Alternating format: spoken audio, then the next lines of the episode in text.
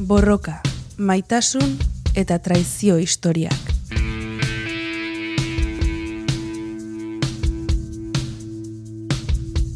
Beatriz Rubioren azalpenak estitxu eizagirreren konpainian. Kaixo Beatriz, Hau, bestitxu.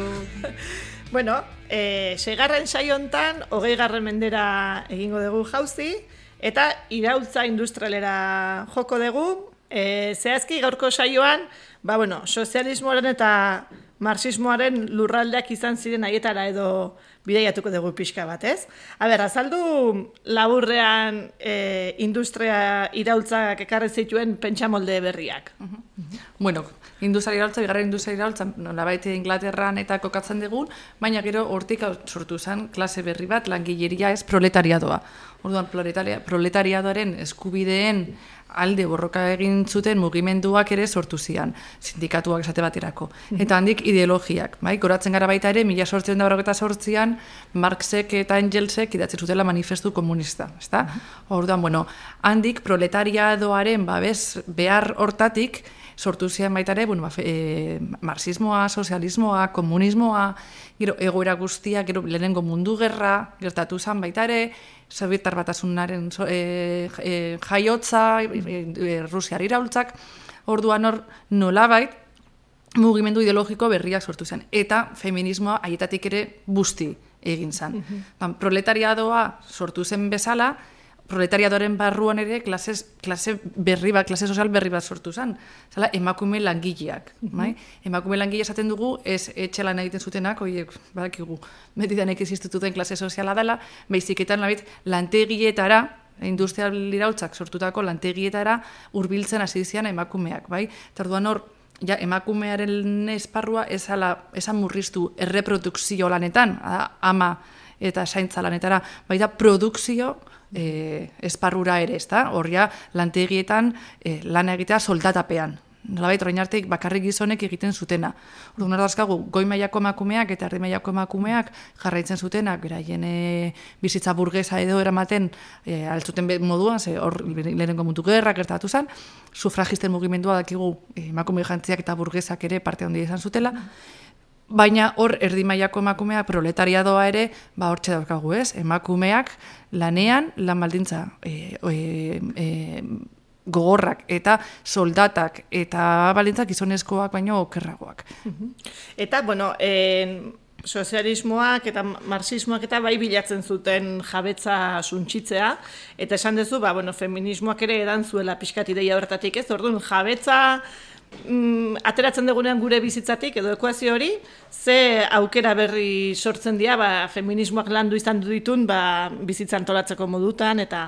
Vale. Bueno, begira, pixkat horri azalpenen amateko, jungo gora Errusia eta Sovietar batasunaren sorrerara, vale? Hor, mila bedatzeron da bostean lehenengo iraultza mazen, gero mila bedatzeron da mazazpian, hor ja, Sovietar batasuna sortzen da e, historikoki nola bait, eta horregon zan mugimendua. Ez tardako denok zagutzen dugu, Lenin bat, ez?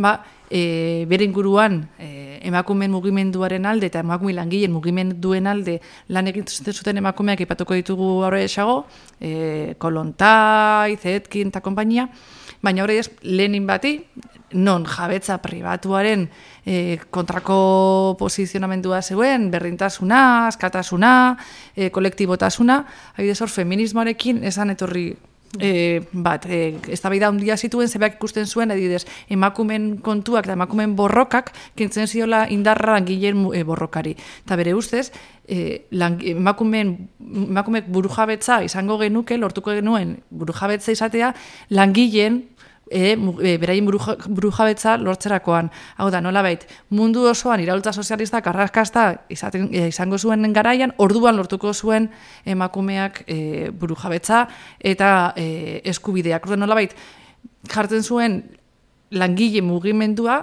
feminismoa edo, edo emakumeen eskubiden aurretik. Bai? Eta horkor sortu zen pizka kontraesana e, Leninen kasuan marxismoa, sozialismoa eta feminismoaren artean e, beti esan hola gertatu, ba, daude beste autore batzuk, zeintzuk be parekatzen dituzte, la posible dela parekatzea feminismoa eta marxismoa, eh?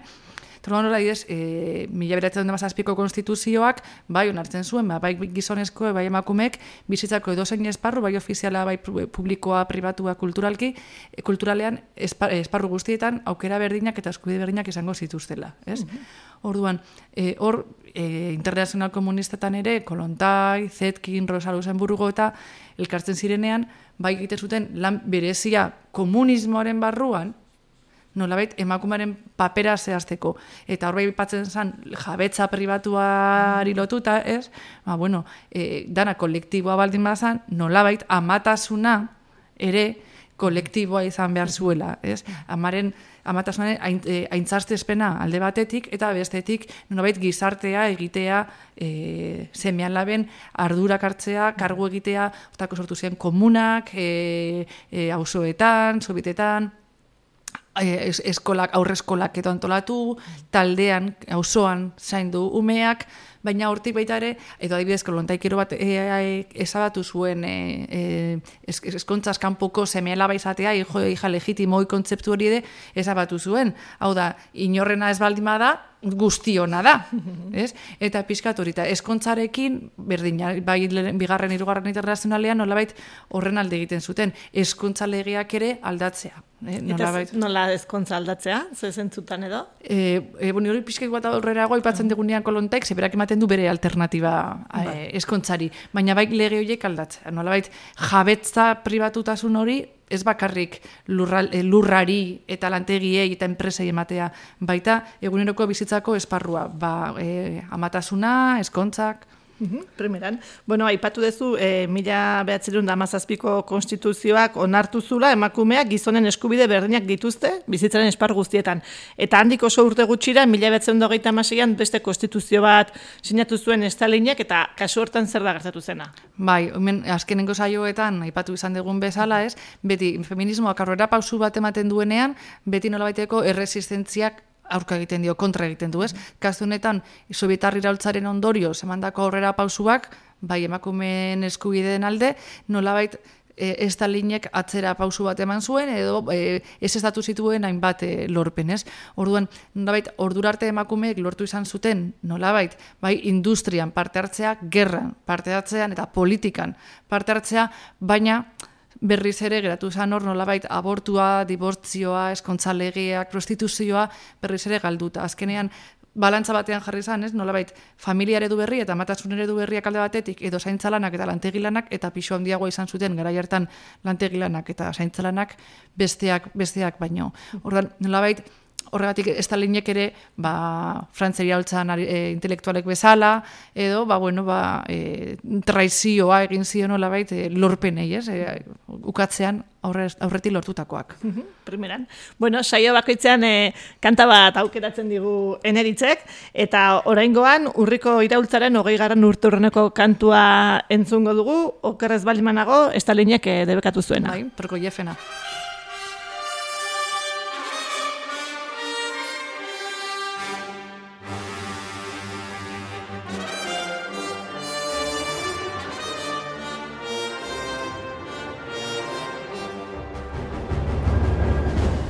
Bueno, eta jarraian, e, langile borrokaren barruan, emakumen askatasunaren alde lan egin zuten hainbat autore ekarreko dizkiguzu, ez? Bueno, e, azteko kontatu, norri izan zen Flora Tristan, eta ba omen zeukan, e, bueno, zer ikusiren bat Euskal Herriarekin ere. Vale, bueno, aipatuko ditugu hiru lau autore, askoz gehiago dia, ez daude dian guztiak, baina, bueno, dianak, daudenak bai dia, orduan, bueno, saiatuko gara, e, lau emakume hauen bizitzak eta eta ekarpenak esaltzen, baina argi dago asko emakume gehiago egon zirela garrantzitsuak eta izenik gabe basa direnak historiara, ez?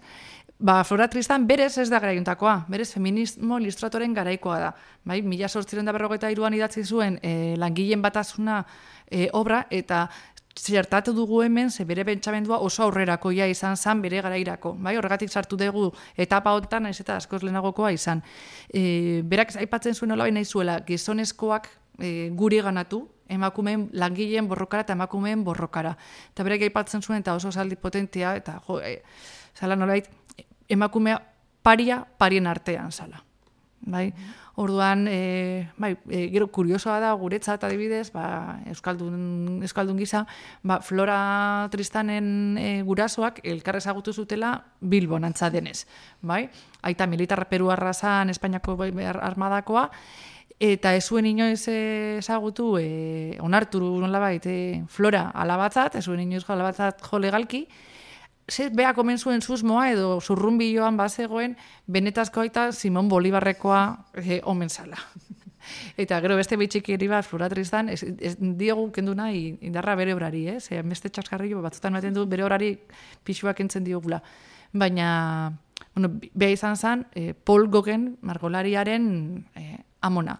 Eta gero Perez Reverteri, hola, e, pixkate ekarpen bat egitearen, ba, bueno, Flora Tristanek ja bere garaian hizkuntza inklusiboa zitazten zituen bere bere obrak, mila sortzireun da berrogeta iruan. Osondo. Eta pixkata, e, aipatu duzu bere obra izan zala, mila sortzireun da berrogeta iruan, langileen batasuna. Hori da. Mm bai. Bueno, beste autore bat ere diguzu, e, Clara Zetkin, nortzen bai, hau. Bai, Clara Zetkinek egin zuen lan handia e, Alexandra Kolontai eta Rosa Luxemburgokin batez ere internazionaletan. Bere Clara Zetkin Alemania razan, eta bueno, berak egiten zuen e, lan baita ere emakuen inguruan, eta berak nolabait esaten zuena zen, klase sozial, emakumeak izan arren, ja, e, nolaiteko e, klase banaketak egiten zituen. Ba, klase bakoitzeko emakumeak bere beharrak eta bere interesak eta bere borrokak ezberdinak zirela. Hau da, danak emakume izan ere, ezberdina zala emakume proletario izan, edo emakume burgesa izatea. Eta orduan hor, berak landu zituen, esparru bakoitzan bateko, klase e, feminismo hori, ez? Banatzea, interseksionalitate horrekin jaz izan. Emakume bai, baina bakoitzak bere... Primeran. Eta gero, tarteka saio ontara gizon batzuk ere bai. karri izan dut dituzu. Bai. Eta oraingoan beste bat ekarko diguzu, Frederick Engels, a ber. Bai, Frederick Engels da, e, bueno, e, Karl Marxekin batera manifesto komunista idatzi zutenak, e, baina, bueno, Karl Marxek ez zuen emakumeak eta familiaren inguruan hainbeste jorratu gaia, baina Engelsek bai idatzi zula libur bat eta oso garrantzitsua izan da, ze, mm, liburua idatzi eta gero, emakume feminista askok hartu izan dute bere liburua eta bere obra handik aurrera beste irakurketa feminista bat egiteko. Orduan, e, Angelsek idatzi zuen jabetza pribatua, familia eta estatuaren jatorria eta bertan azaltzen du nolabait emakumeren historiari berrikusketa bat egiten dio. Orduan, berak aipatzen du nolabait gizonak e, behar duela e, natur, e, e, bere erentzia betikotu. Orduan, bere erentzia betikotze hortan, behar du emakumea menperatu. Nola menperatzen du emakumea? Sexualki. Eta sexualki nola? E, eskontza monogamoaren bitartez. Orduan, emakumea e, ja, emaztea bihurtzen denetik, mugatzen du bere esparrua erreprodukziora. Bai? Orduan, etxean, eremu pribatuan, eta produkziotik kanpo geratzen da. Lan, esparru publikotik kanpo geratzen da. Orduan, entxesek esaten duna da, e, desoreka horrekin, gizon eta emakumeen arteko ezberdintasunekin bukatzeko irtenbidea dela emakumeak lan merkaturatzean txertatzea.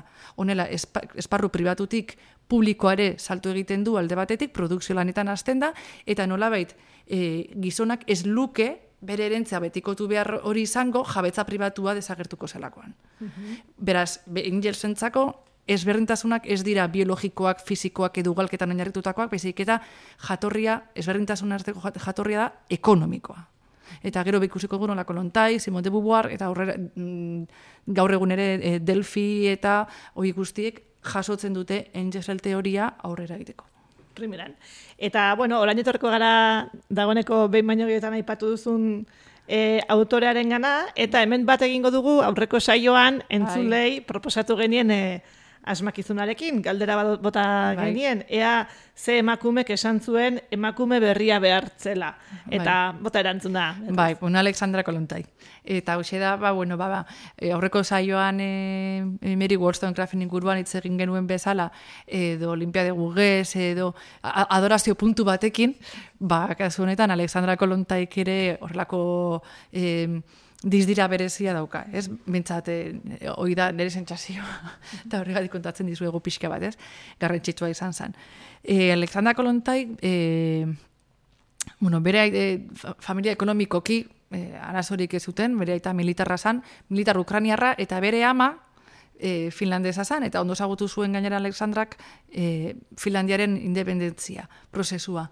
Eta ni orain asko dugu goratzen naiz zer esango lukera Alexandra Kolontaik orain Ukrainiako gerrari buruz eta honi guztiari buruz eta eh, Finlandia otan sartzea eta ze irudi izango lukeen berak, irakurketa.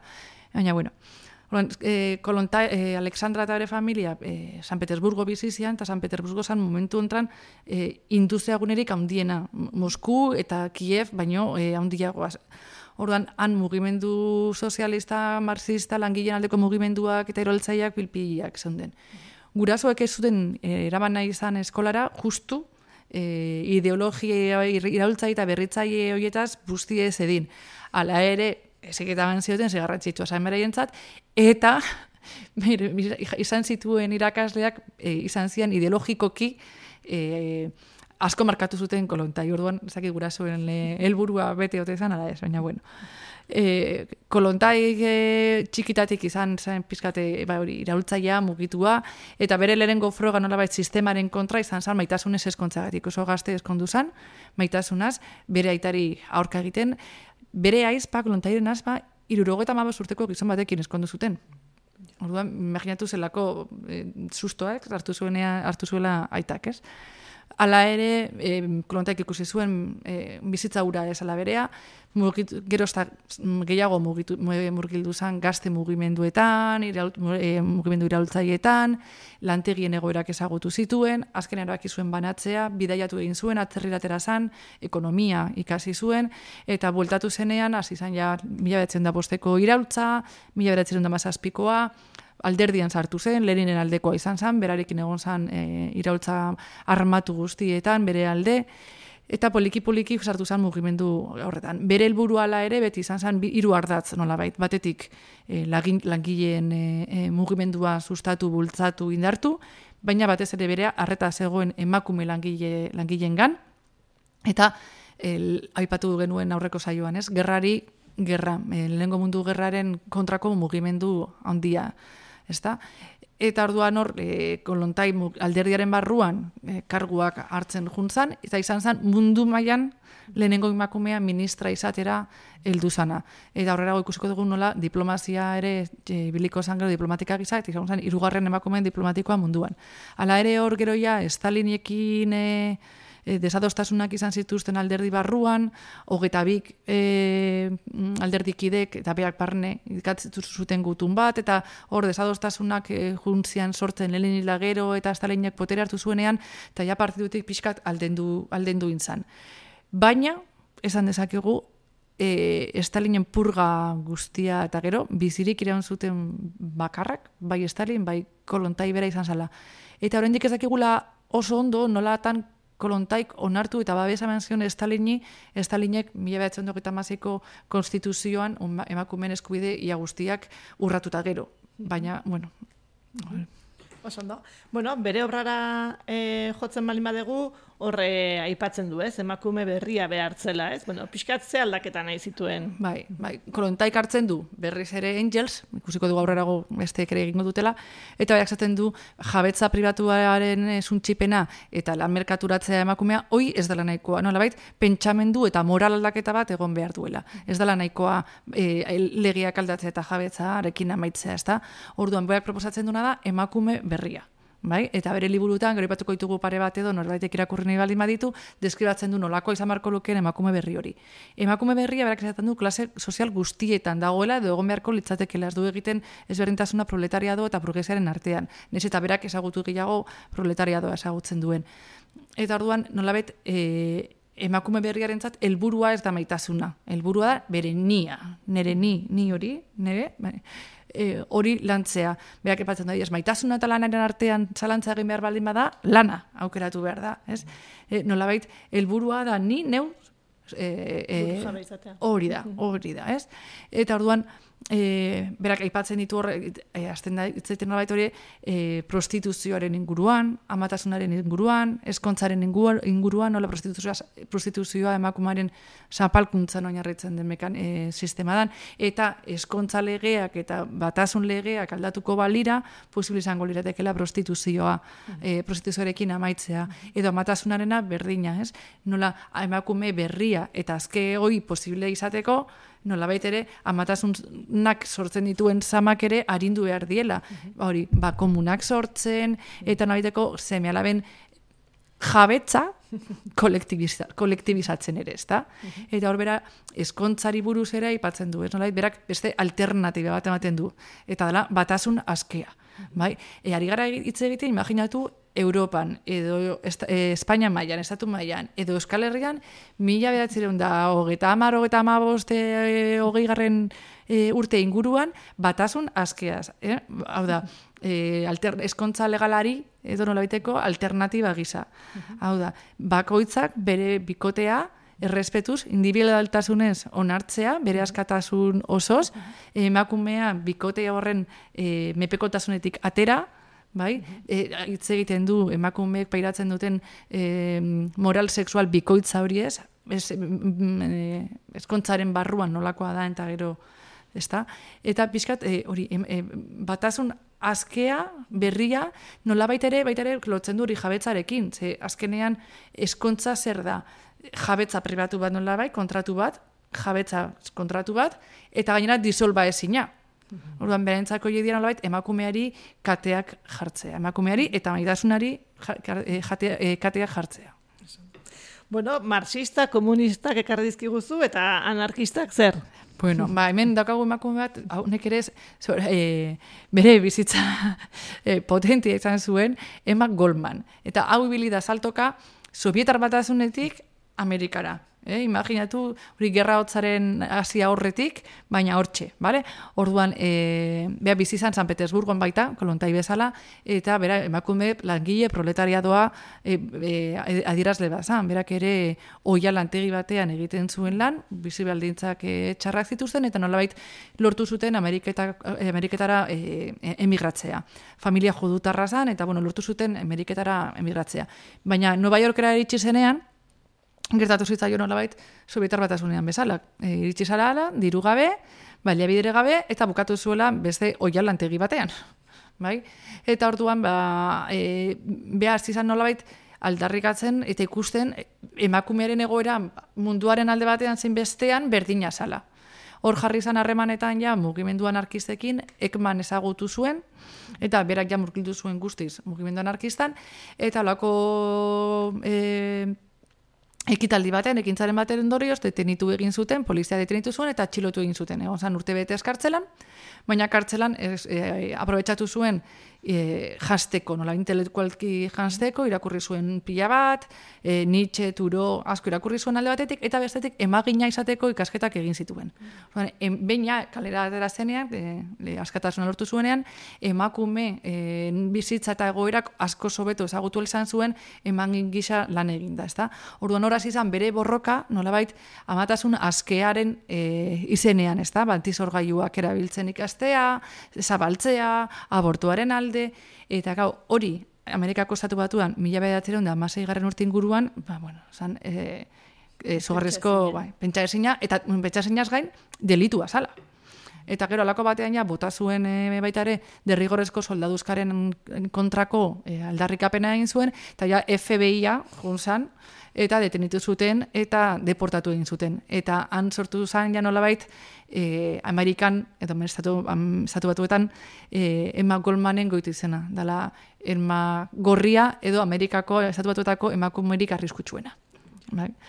Orduan gure Emma, bueltatu zen berriz, Sovietar batasunera, eta ikusi zuenak ez joan bat ere gustatu eta bere liburuetan jaso zuen, ez? Ba, e, nire sovietar desiluzioa edo lako izenburuaz bere esperientzia bueltan. Baina esan angeratu, zai ez Espainiako Gerra Zibilan ere e, egin zan, eta bueno, ba, Federica Montxeni eta Durrutikin eta e, egon izan zan baita. Eta hola, nahi balma dezu, nolait, ez isteko, baina hola, esaldi potente joetako batekin, Emma Goldmanena zen ere, izan zen, ez dute ezin badi madu dantzarik egin, ez dut iraultzaren parte izan nahi. Primeran. Bueno, ba, esaldi borobil eta agurtuko dugu en, saio hau, eta beti bezala irakurlei utziko diegu galdera, asmakizun jolas bat, edo urrengo saioaren amua izango dana. Eta zein da botako diezun amua irakurlei? Bai, ba, urrengo saioa berezia izango da, ze orain arte hainbat autoren inguruan hitz egin dugu, eta urrengo izango da monopolioa izango du gure autoreak, e, ze hain zuzen ere Simon de Beauvoir da, eta bueno, Simon de Beauvoir pixo handia dauka gure historia honetan, orduan galdera da, ea Simón de Beauvoir feminista, ¿sabes?